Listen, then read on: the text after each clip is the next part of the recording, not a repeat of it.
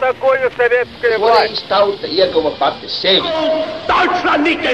Liktenīgas nejaušības un slēptas likumsakarības, subjektīvas patiesības un objektīvi aizspriedumi. Pēc atkušņa nekad nenāk uzreiz pavasars, bet sākās Arī šodien cilvēki ir ļoti tūredzīgi. Viņi redz to naudu, kas ir. Televīzijā jau pamatā notiek cīņa par varu. Pagātne no šodienas skatu punkta un šodienas caur pagātnes prizmu. Raidījumā šīs dienas acīm. Latvijas radio eterā Eduards Liniņš. Labdien, cienījamie klausītāji! 31. maijā pasaulē nākusi viena no izcilākajām latviešu visu laiku dzēniecēm un nenoliedzami viena no spilgtākajām personībām 20. gadsimta otrās puses latviešu dzējā Vizma Belševica. Mana sarunbiedra studijā - dzēniece Ingmāra Balode. Labdien! Labdien! Nu, jāsaka, tev, Ingmāra, ir bijusi tā, droši vien pareizi teikt, veiksme pazīt eh, Vizmu Belševicu arī personiski, un šī pazīšanās ir iezīmīga arī ar to, ka pat ne jāsaka divu dažādu pauģu, bet ar paudzes atstarpi dzēnieču sastapšanās. Apmēram pusgadsimts šķir jūsu dzimšanas gadus. Iesākumā kāda bija jūsu iepazīšanās, kā jūs sastapāties?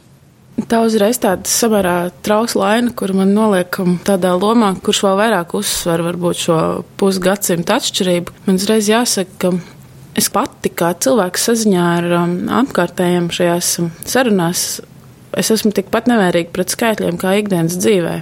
Man tā sastapšanās ar cilvēku un pasauli, viņa vienmēr uh, pamanās kaut kā pārlikt pāri šiem cipariem. Un, Līdz ar to tā vietā, lai domātu par to, ka es tūdaļ satikšu šo vienu no lielākajām dzēniecēm, kādu man bija sanācis lasīt līdz tam, un lasīt turklāt diezgan apzināti tādā vēlīnā pusauģu vecumā, man bija tā sajūta, ka ja man kaut kas vēl nav tapis tūs vai līdzpārdzīvots latviešu dzējā, es to uztveru kā tādu savu personisku trūkumu, un tad es atceros, ka tajā laikā samērā drīz sakoja arī iepazīšanās ar vizmu.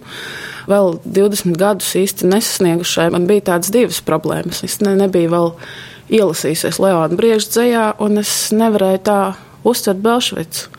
Bet tad kādā vasarā es tā ņēmu un lasīju visu pēc kārtas. Man mammai par laimi ļoti laba biblioteka. Un viņai viss arī bija. Rindās izstāvētie krājumiņi, un pēc tam arī vēlākās izlases. Un tad viņi man pēkšņi pietuvojās jau tekstā, jau šajā aizkadrā, kā cilvēks, par kuru es neko nezinu. Jo Billy jau nāca tikai vēl daudz vēlāk. Tā kā par laimi man jau bija šī viņas iekšējā balss, šis savs viņas lasījums, tajā laikā, kad man sanāca viņu satikt. Tā jau ir stāsta pavisam vienkārši. Jānis Elsbergs man paņēma līdzi uz jūrmalu domu, nu, ka jāapsveicinās ar vīzumu, bet uh, mēs braucām mašīnā ar Jāņu papu. Zigordu Dārzbergu, kurš nopriecājies, ka būs tāds jauks, saviesīgs vakariņš, jo tur gaidīja arī priekšā vismaz mazbērnu. Un, un bija tāds vasaras novakars, viņi to gadu dzīvoja vēl apšciemā. Un Zigords, protams, rūpēdamies par visiem maziem bērniem, kādiem tikām pieskaitīti arī mēs ar Jānu, bija nopircis veselu kaudzi zemeņu tā pirms Jāņa. Un tad mēs braucam tajā milzu mašīnā un ēdām tās zemenes un pļāpājām. Un ātrums tā ļoti dinamiski mainījās no tādas straujas bremzēšanas visos jūrmālas ciemos, jo, jo te pēkšņi var būt dzīves nopirkt, tur bija tāds pagrieziens, kur jāpaskatās. Līdz tam brīdim, kad mēs atkal strauji nobremzējām, viņš teica, nu, klāt esam. Un tad tas mirklis pirms iepazīšanās ar vīzu man asociējas vienkārši ar to, ka gluži kā vairs ne, teiksim, 18 vai 19, cik man to brīdi bija, bet kā septiņgadniekam ir jāgrūž tās nenormāli netīrās rokas kaut kur bikšu kabatās vai sānos, jo man ir skaidrs, ka es esmu līdz dalmiem burtiski vienās zemenēs un man tūlīt ir jāapspiež roka Belšvicē. Manī nebija tādu viņas skatuves baiļu. Man nebija tāda sajūta, vai nu vai.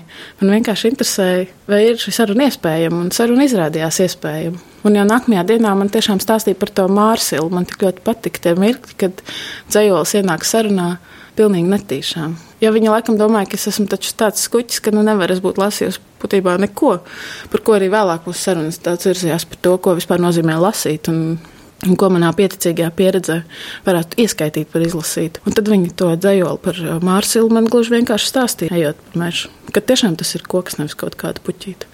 Vairāk tādi motīvi, aiz kuriem aizķers klausoties.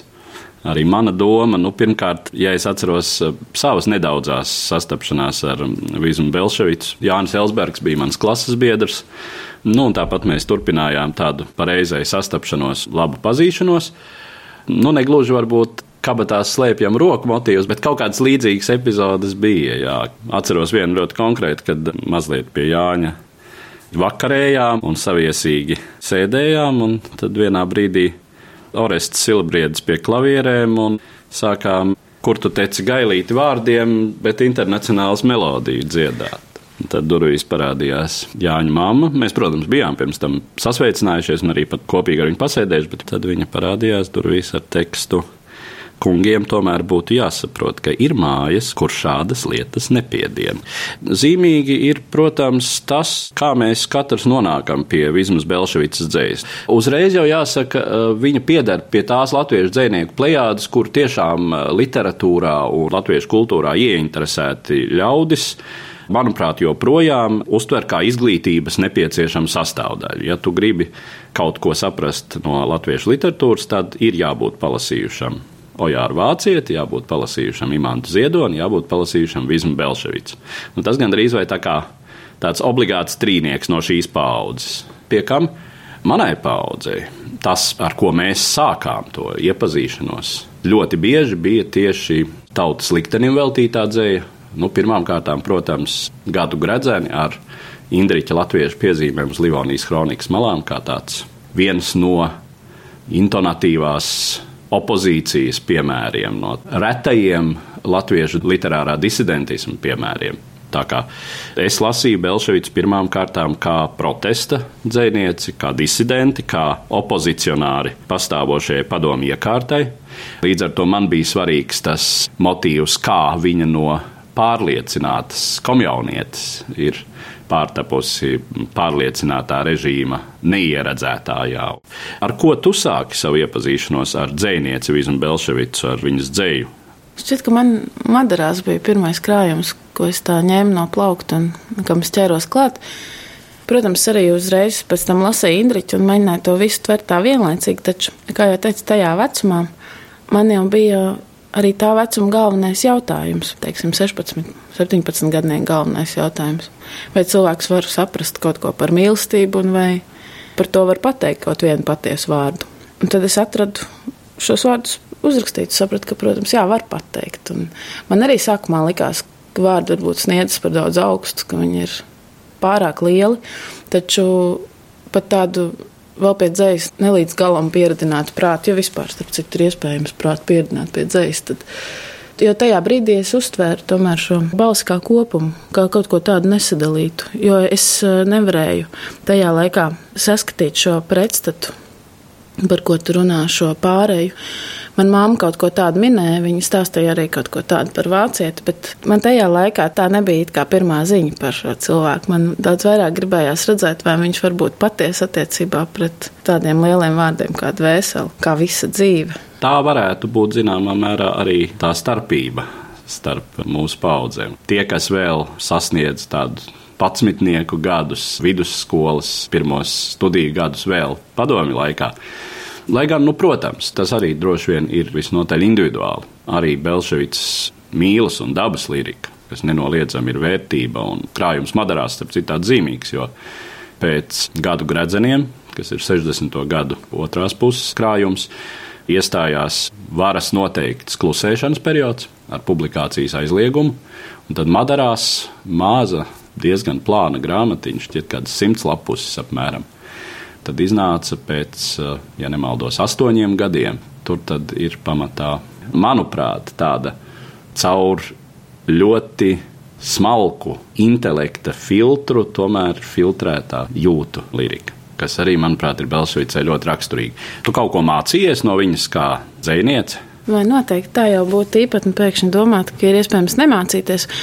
Man vispār interesē mācīšanās process. Man interesē mācīšanās process caur tekstu, dzinieku nezinot, un caur cilvēku vienu, pat ja viņi nebūtu dzinieci, taču būtu tik ārkārtīgi daudz ko mācīties. Es saprotu, ka šāds dalījums var skanēt pavisam absurdi, jo ikviena lasītāja acīs taču ir skaidrs, ka Belšvīts nevar nebūt dzinieci. Taču es ārkārtīgi daudz no viņas mācījos arī šajā ārpusplānā.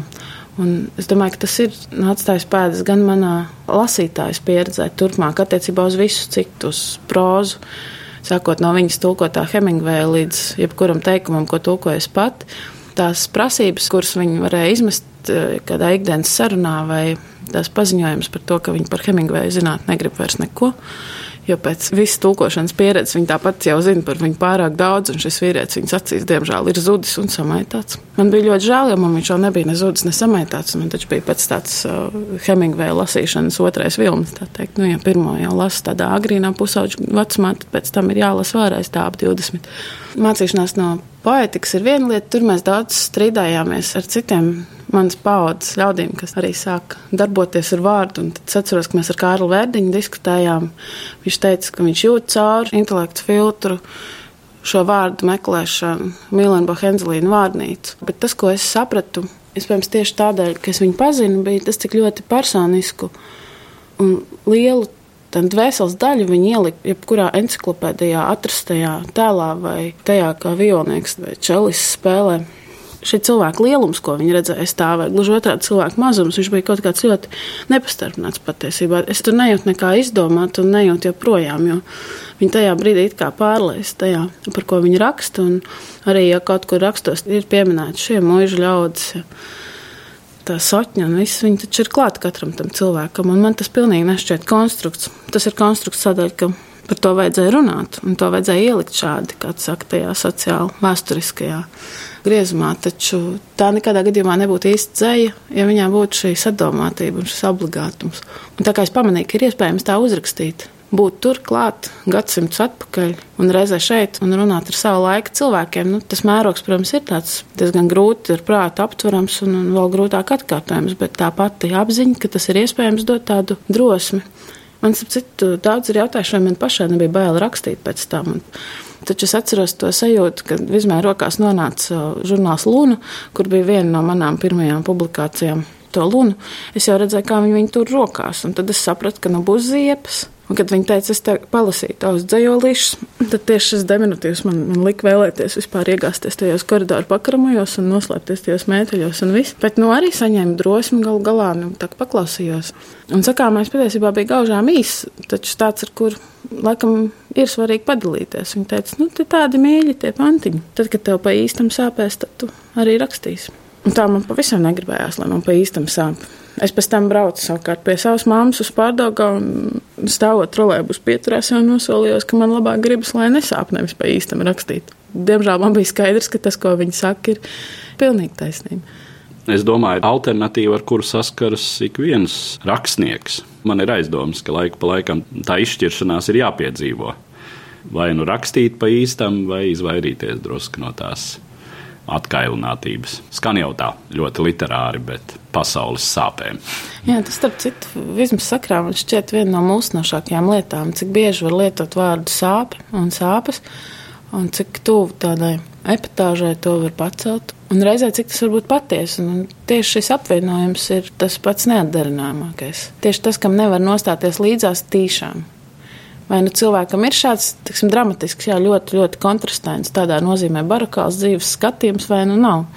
Jo kā var reizē ar, ar absolūtu mīlestību runāt par bērnu zariem, Valdemāra ielā aiz loga, un tāpat laikā skatīt pasauli kā vietu, kur mīs svētības lāsti, labvēlību un pilnīgs naids, jo tas viss taču pastāvē vienlaicīgi. Un to gadījās dzirdēt arī tādā ikdienas sarunā, šo svārstu no vismazāko lietu skaistumu līdz tādai varbūt arī neusticībai pret cilvēkiem. Ja es atceros savus, atkal jāsaka, ļoti nedaudzās tikšanās un sarunas ar Vizmu Belševicu, tas, kas bija tā mulsinoši šajās sarunās, tomēr nevarēja nejaust tādu, jā, tu teici, neusticēšanos. Es to formulētu kā tādu ļaunuma neizbēgamības izjūtu. Runājot par tautas likteni, par mūsu situāciju, tas bija gandrīz vienmēr diezgan apkārtējiem grūti panesams rūkums. 80. gadu otrā puse, 90. gadu pirmā puse, nu tā tad vēl atmodas laiks ar visu to eifóriju, nākotnes cerībām, ar, ar lielajām gaidām, pārliecību, ka tikai prom no padomju sistēmas, prom no padomju impērijas, un tad taču viss būs skaisti un jauki. Par ko šīs sarunas lika šaubīties, un kas izrādījās galu galā visnotaļ patiesi. Ar to bija jārēķinās. Lai gan, nu, Tajā brīdī varētu teikt, ka man toreiz ap 20 vienkārši nebija tās pieredzes, lai es attiecīgi par šiem notikumiem spriestu. Nu, un, protams, vēlāk šai jaunajai, jaunveidojumās valsts realitātei sevi atklājot visā tajā problemātiskumā, nācās arvien vairāk piedzīvot un saprast, ka šis skatījums ir gana pamatots. Jāsaka, tajā brīdī vienmēr gribējās to skaidrot pirmām kārtām ar dzinieces pašas likteni. Bet nu, liktenis jau, un sevišķi Vīsmas Belšvicas gadījumā, tā bija viņas izvēle uzprasās salīdzinājums ar Knutu Skujenieku. Knuta Skujenieka liktenis tomēr zināmā mērā bija viņam pašam negaidīts. Tas, kas ar viņu notika, šī tiesāšana, ieslodzīšana nometnē, viņš nebija ar kaut ko tādu rēķinājies. Es pieļauju, ka Vizma Belševica gan publicējot Indriča latviešu piezīmes, rēķinājās, ka reakcija būs, nu, arī darot visu pārējo, teiksim, kontaktējot ar kādiem kolēģiem ne tikai Latvijā, bet ārpus Latvijas, kuri jau bija krituši režīma nežēlastībā, ņemot uh, un lasot un turot mājās nelegāli izdotas tā sauktā samizdata pagrīdes izdevumus. Neizbēgami apzinājās, kāda varētu būt reakcija, un šī reakcija arī no režīma puses bija. Tā bija pilnīgi apzināta izvēle un apzināta izpratne, kas var būt, un tomēr izšķiršanās to darīt. Izšķiršanās ideoloģiskus meslus nemaksāt nekādā veidā, kur mēs varam atkal diskutēt par to, kā ir labāk un pareizāk. Vai, teiksim, samaksāt kaut kādus ideoloģiskus meslus, nu, uzrakstīt dzējoli Leņķinam. Un tad pēc tam rakstīt to, ko pašam gribās, un to publicē pietiekamās tirāžās, un māca skolā, un daudzām meitenēm patīk. Un Vizmas Belševicas variants vienā brīdī vilties un savu vilšanos arī neslēpt un uh, mest izaicinājumu, apzinoties iespējamās konsekvences. Nu jā, mēs jau runājām par izglītošanos, bet uh, tehniskās meistarības slīpēšana, par ko savukārt es zinu arī no Jāņa stāstītā par šo literāta aroda prasmes, meistarības slīpēšanu. Vai par to jums bija sarunas, vai tur bija tāda zināma skola? Jā, skola tādā ziņā, ka vismaz tas bija pašsaprotami. Un šīs pašsaprotamās lietas jau otrā iepazītā cilvēkā, kā ierauga, kā visfundamentālākās, kāds arī ir. Ka par to netiek runāts. Tāpat kā netiek runāts par to, ko mēs pat pieminējām par šo mugurkaulu turēšanu. Jo vienkārši, ja cilvēkam tāds mugurkauls ir, tad viņš viņu tā tur, un tur neko nevar darīt. Viņi pat varētu gribēt darīt citādi, un tas nebūtu iespējams. Teiksim, Tas skan ļoti piezemēti, bet es teiktu, vienkārši tāds raksturs. Tāpat kā šī nepieciešamība atdot tekstu, kurš ir uzticams savā acīs līdz pēdējiem burtam. Tā ir vienkārši tāda spītība kaut kā pret savu iekšējo balsi, jo katram taču gribas kaut kā mazliet apiet, kaut kā palaist vieglāk un tā tālāk. Bet viņi arī vienmēr uzsver, ka ir, ir šie laimīgie gadījumi, kuros pasakās un pasakās bez slīpēšanas. Es atceros, ka uh, slimnīcā viņa apciemojot vienā no tām vasarām, bija tāds mirklis, kad viņi pēkšņi sāk runāt Grigulu. Ne? Neviens taču negaida Grigulu no Belšvicas. Bet viņi pat tā, bija tādi ļoti aizkustināti. Tas Griguls tā kā pilnīgi no skaidrām debesīm tur nāca. Es nezinu, vai kaut kas aiz logu to atgādināja vai kā. Un es arī vairs nespēju atcerēties to pantu, bet tas bija no tiem 30. gadu dzējoņiem. Viņa teica, bet kā viņš varēja uzrakstīt kaut ko tik tīru, vienkārši gandrīz tautas dziesmu. Un man pēc tam bija jau uzreiz jau bija žēl, ka es pamanīju to aizmirst, kas tika citēts. Jo tā spriešana par to, ka viņam piederēja šī tīrā matērija, šī tīrā balss, un ka tas skan tā kā tādas runas par kaut ko augstāku, par kaut ko ēterisku. Ja cilvēkam ir dota tā valoda tajā fundamentālajā nozīmē, tad viņš jau jūt, vai viņš grēko pret to lielo un īsto vai negrēko. Un to tagad tā ar distanci skatoties, var iedomāties, ka tās varētu būt vienīgās bailes nesagrākot pret valodu. Arī dzējā, cik daudz parādās ir šie vārdi, mani vārdi. Viņi sako tiem vārdiem līdzi, lai tie vārdi paši nevarētu nekur aiziet, lai viņi nevarētu kaut kā viņu pašu pievilkt. Jo cilvēks jau ir tāda būtne, kas spēj pat sev apvest ap stūri. Bet uh, viņā arī nebija pārmetumu pret uh, teiksim, cilvēkiem, kuri ļaujas intonatīvi paši sev apmānīt. Es vismaz tādu pārmetumu nejūtu. Nu. Sliktāk bija ar uh, sarunām par tiem, kuriem šis talants ir dots un kurš tiek apzināti un viennozīmīgi ievirzīts naidīgās sliedēs, naidīgās sev, naidīgās valodai, lasītājiem, visam pārējiem. Bet par tehnisko meistarību runājot, vairāk sanāca spriest par tulkojumiem. Jo ar katru jaunu grāmatu, kas nonāca vīzmas rokās, viņi to, protams, komentēja un teica, kas ķerās, kas neķerās un kā var teikt tā, un kā vispār var neredzēt, ka šeit varēja pavisam citādi. Un tāpat laikā man vienmēr patiesi aizkustināja, pat skauda, ka varbūt tāda aizrautība, kā viņi teica, palasīt kādu krimiķu. Jo nu, es tos krimiķus tā jau vairs nelasīju tajā laikā. Pilnīgi aburti tas, kā cilvēks, kurš dzīvo tekstā un tekstā, ir vēl spējīgs vēl vakarā palasīt vēl krimiķu. Nemeklēt nekādas valodas, skabargas un neko tādu. Bet dzējā, jā, atzījā, protams, un lielos prozas darbos. Par lasīšanu es iedomājos tādu vienu epizodi, kas arī savā ziņā ir skola un kas man lika sajusties tā, kā visi cilvēki iedomājas, kā otrs jūtas kopā ar Belšvicu. Protams, viena no tām epizodēm, kas man tiešām lika sajusties mazai. Visma bija slimnīcā, Gaļzarā. Tas brīdis bija ziema, kurāt um, atgūšanās tiks atceros pēc viena no insultiem. Un tā bija tāda bagātīga ziema. Iznāca Tatjana Suts grāmata un zvirgziņu von Markats skunga memoāri un vēl vairāki tādi pamatīgi apjomi darbiņi. Un tad um, mēs ar uh, citiem apciemotājiem kaut kā pa visiem bijām tās grāmatas sastiepuši. Visvairāk jau dzīvespiedras, vai ne? Tāda kaudzīt noliek slimnīcā uz galdiņu, un galdiņu nevar redzēt. Vienu pēcpusdienu viņu apciemojot, viņa stāsta, kā ir atnests un kā nu lasīs. Tad es atnācu pēc kādām divām vai trim dienām, un man bija sesija tajā laikā Kultūras akadēmijā. Un tā sesija, no kuras akadēmijas studenti baidās visvairāk, kur ietver no 16. gadsimta līdz 18. gadsimta beigām visu - mākslu, literatūru, filozofiju, visu. Un, sakot, cilvēks ir ar pilnīgi tādām drabošām, jau pārceptām domām, kā varētu teikt, tā studentiski. Un, un es aizēju, un man stāsta vēl par tām grāmatām. Viņa atcerējās, ka viņa iepriekšējā reizē, lai, nu, lai neapkrautu to slimnīcu, jo visu laiku bija tāds kā kauns no tām māsīņām, ka viņām tur jācieš no tā, ka viss ir aizkrauts ar grāmatām. Ka viņi iedos dažus man uz mājām līdzi, lai es aizstiepu jau prom, jo bija izlasīts to Fadmārkats skungu un Tatjana Suts grāmatu. Un teica, nu kā tev patika? Es saku, nu, tikai divas dienas, es nespēju vēl. Es aiznesu mājās, noliku, un es lasīšu, kad sesija beigsies. Un tad bija tāda pauze. Un teica, nu, Engumiņ, tu tak neko nelasi. Es atceros, ka to brīdi man tiešām bija nu, asaras kaklā, reizē smiekli nāk, jo nu, tās visas naktis ar to vēl tērmeni. Jā, bet tad es sapratu, tā ir tā saskaršanās ar mērogu. Viņas lasīšanas ātrums, viņas tekstu uztver un tā tālāk dod pilnīgas tiesības teikt, ka es taču neko nelasu. Jo tie septiņi ķieģeļi, kas bija uz manas rakstām galda, nu, tiem jau vajadzēja piederēt vakardienai, jo taču divas dienas ir pagājušas. Neviena viena. To arī var turpināt tikai apbrīnot, tāpat kā var apbrīnot citu cilvēku laika izpratni citos laikmetos. Un, teiksim, es taču tajā laikā studēju tēlniecību, un tāpat kā man nebija skaidrs, kā var izlasīt un um, vēl padomāt un apspriest tādu apjomu, kā Vizma izlasīja un apsprieda. Arī tādās gurdanās dienās, kā viņi varēja teikt. Tāpēc es nevarēju saprast, kā Miklāņģelo varēja to visu dabūt gatavu. Jo tīri no pieredzes ar akmeni es aptuveni zinu, cik laika tas prasa. Un nemūžam nepretendējot to aizsniegt, vienkārši jau tāds iesācējs jebkurā laukā taču saskarās ar to apbrīnu pret otru ietilpību, kapacitāti. Varbūt tā apziņa, ka arī to kapacitāti var trenēt, un ka var saņemties un izlasīt.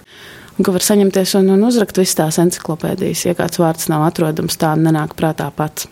Un, protams, tagad tādā Google laikmetā man tas vispār sastindzina asins dzīslās, vienkārši domājot par kādu sarežģītu tulkojumu, kur dēļ ir jābrauc, teiksim, uz biblioteku, un tad ne, tie, ne pat centrā, bet vēl kaut kur, kur slēpjas kāda grāmata, kur tas varētu būt atrodams. Un, varēja saprast, viņi veidoja tādu kartotēku. Mēs redzējām daļu no tās kartotēkas lauku mājās. Es pareizi atceros vēstures notikumi ar uh, literatūras personāžu atveidojumu to notikumu kontekstā. Un vēl bija pāris parametri. Tad es sapratu, ka tas viss vienkārši ir paši radīts, tāds pasaules konstrukts. Tā bija pasaule ar uh, vispasaules tīklu laikā bez interneta faktu bagāžu krāja pat. Un, un tas ir kaut kas tāds, kas nevar tikt atkārtots, jo mūsu domāšana vienkārši ir jau pārstruktūrēta. Lai kā es teiksim, gribētu mācīties, es nekad to apjomu nevarētu paturēt galvā. Tā tas ir. Es atceros toreiz tās šķiet ne pašas dzinieces izteikumos, bet eh, tas bija tas, ko Jānis Elsbergs man atstāstīja par viņas attieksmi pret uh, to brīdi visjaunāko dzēju ir bijis kaut kāds moments, kas chronoloģiski varētu sakrist apmēram ar 85. gadu, pēc kura viņi ir diezgan kategoriski atteikusies lasīt pēc tam rakstīt sākušu autoru dzēju, teikdam, ka viņa to nesaprot. Nesaprot tādā nozīmē, ka nepieņem. Kāda ir tava pieredze ar šo momentu? Tā patiesībā man šķiet, ka tas varēja būt viens no tiem lielajiem pateicieniem, kurš tā kā Iesaišas tad dzirdēju šo apziņā, bet ko viņi patiesībā paslepeni pārkāpj. Nu, atļaušos tā sacīt, jo atceros, ka mēs runājām piemēram par Māra salēdzējoļiem, kas pilnīgi noteikti iznāca pēc 80. gadu otrās puses. Mēs spriedām tāpat par publikācijām. Tajā pašā lunā, ko Jānis to laiku veidoja, redzēja tas žurnāls apstājās, jo tur bija tāda svaiguma sajūta, kas varētu novest arī pie kaut kādas, teiksim, paudzes ainovas veidošanās, bet, nu, tā tas Latvijā laikam notiek. Tad, tā kā viņi bija ieinteresēti to vispār apspriest, tad, nu, skaidrs jau, ka lasīja patiesībā, vairāk es pamanīju to, ka viņai sāp, teiksim, vārdi, kas jau kļūst lieki. Un tad, kad iznāca tā mazā grāmatiņa, kas izskatās tā, kā, kā aforismu krājums, bet tas mazais dzējas krājumiņš, kabatas formāta, tāda mazītiņa, ko mēs pielikt dāvanām absolventiem. Tad viņi rādīja to grāmatiņu, tā teica, redz, nu, pat vislabākajam dzējniekam vairāk labu dzējoļu nevar būt publicējumu. Un tie visi, kas tos ķieģeļus raksta, viņi tikai papildina tos bezgalīgi garos grāmatplauktus. Ka tas ir gandrīz vai tāds noziegums, nespēt pašam sevi ierobežot šajā ziņā pašcensūra režīma apstākļos ir viens, bet uh, paškritikas trūkums uh, brīvības apstākļos man ļoti patīk tā viņas norāda. Sākumā tā varēja šķist arī tāds. Nu, Koķitērija, tāpat kā tie dižie gleznotāji, kas tur pa brīdim saka, ka tieši tā zāles puse Nacionālajā mākslas muzejā viņiem ir nu, pavisam neizdevusies. Un, un tīrais posms, ka tās gleznas tur karājas, vai ne? Tad ar līdzīgu tādu pieeju, nu, ka tāpat ir par daudz teksta, pat savu tekstu par daudz. Tad nu, es varu iedomāties aptuveni to priekšstatu par tiem, kur nevar šo savu tekstu kaut kā ierobežot. Visam bija tik zinkārīgi, ka viņi noteikti lasīja visu to, kas nonāca mājās. Īpaši nu, prózi, jā, par dzēju varbūt mazliet mazāk, bet es tiešām atceros tās konkrētās lietas, par ko mēs runājām. Tad nu, būs pateikusi Jānim droši vien, lai, lai parādītu, ko vispār par to paudzi domā. Un es jau tad kaut kā nevilšas nonācu tādā Saka, jau nākamās paudzes statusā. Nu, tā jau tāds sīkais, ka var runāt nopietni. Nu, tādā ziņā man vairākas reizes mūžā paveicās. Nu, paudzes starpā, vai ne? Tas ir tas, ka Jā. parasti dēli strīdās ar tēviem, bet uh, labi saprotās ar vectētiņiem. Mm -hmm. Tas dienas tās norādes, viņas bija vienkārši tik sirsnīgas, ka skaidrs, ka tas tiek attiecināts uz kādu, nu, ko viņi mierīgi var iztēloties rāpojumu zem galda. Viņi man teica, ka es esmu brīnums vecīt, tad viņi tā arī domāja.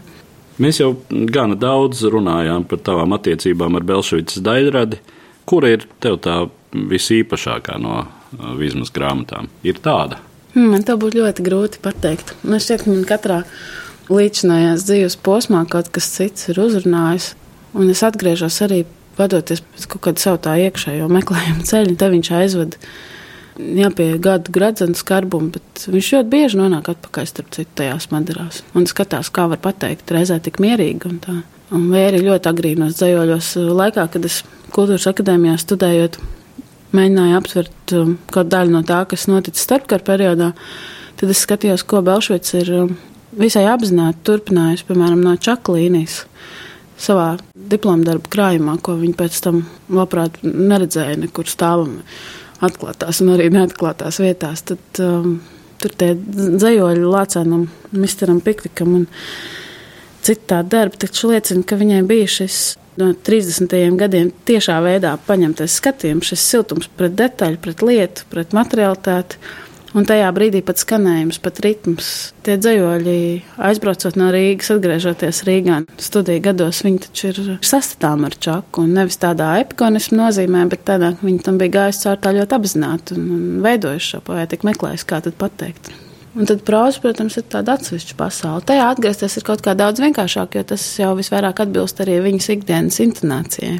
Ja dzējā, tomēr, kā es teicu, man bija svarīgi šo intonāciju satikt pirms dzēnietes. Un svarīgi tā vienkārši notika. Taču man neizbēgami ir sava iekšējā belšvicas balss, kuras dzirdu, un to nemaina sarunas ar viņu, kā ikdienas sīkumu. Tad uh, bildes lasījumi man viņas stāsti par bērnību un ikdienu paplašina, jo tas siltums, ar kādu viņi runāja par tām lauku vasarām un par tiem ganiem. Viņi taču būtībā runāja par sevi kā par tādu īstu lauku bērnu, kas taču pilnīgi smuļķības, ja tā realistiski paskatās. Ir pilsēta, ir skola, ir grīziņkalns. Tad varbūt eh, Rīgā sēžot tajos gados, viņi tā labprāt vērsās atpakaļ. Manā ģimenē, starp citu, ļoti ierastu mīlestību runāja par visādiem sīkiem kukurūznīšiem, visādiem lopiņiem un radībiņām. Tā kā man tas eh, tādā veidā, kā nepārsteidz, jo es biju augustā tādā vidē. Visam ir tiesības būt tādam reizē pamanītam un reizē savējam. Tad varbūt man jājautā, kas tev šobrīd ir visaktuālākais no Vizmas Belševicas rakstītā? Arī grūts jautājums. Tas viss pastāv vienlaicīgi. Tā man vienā brīdī šķita, ka taisnība vien būs tam Barksānam, kurš sacīja, ka mēs tiešām esam visā laikā uzreiz. Tad man liekas, ka esamība visā dzējā uzreiz viņa jau nu, kaut kādā brīdī kļūst pilnīgi neizbēgama. Ar to mēs arī varētu noslēgt mūsu šodienas sarunu kas bija veltīta dzēniecei Vizmai Belšvicai. Un es saku paldies manai sarunbiedrei, dzēniecei, atzējotājai Ingmārai Balodai. Paldies! Par pagātni sarunājas Eduards Līniju.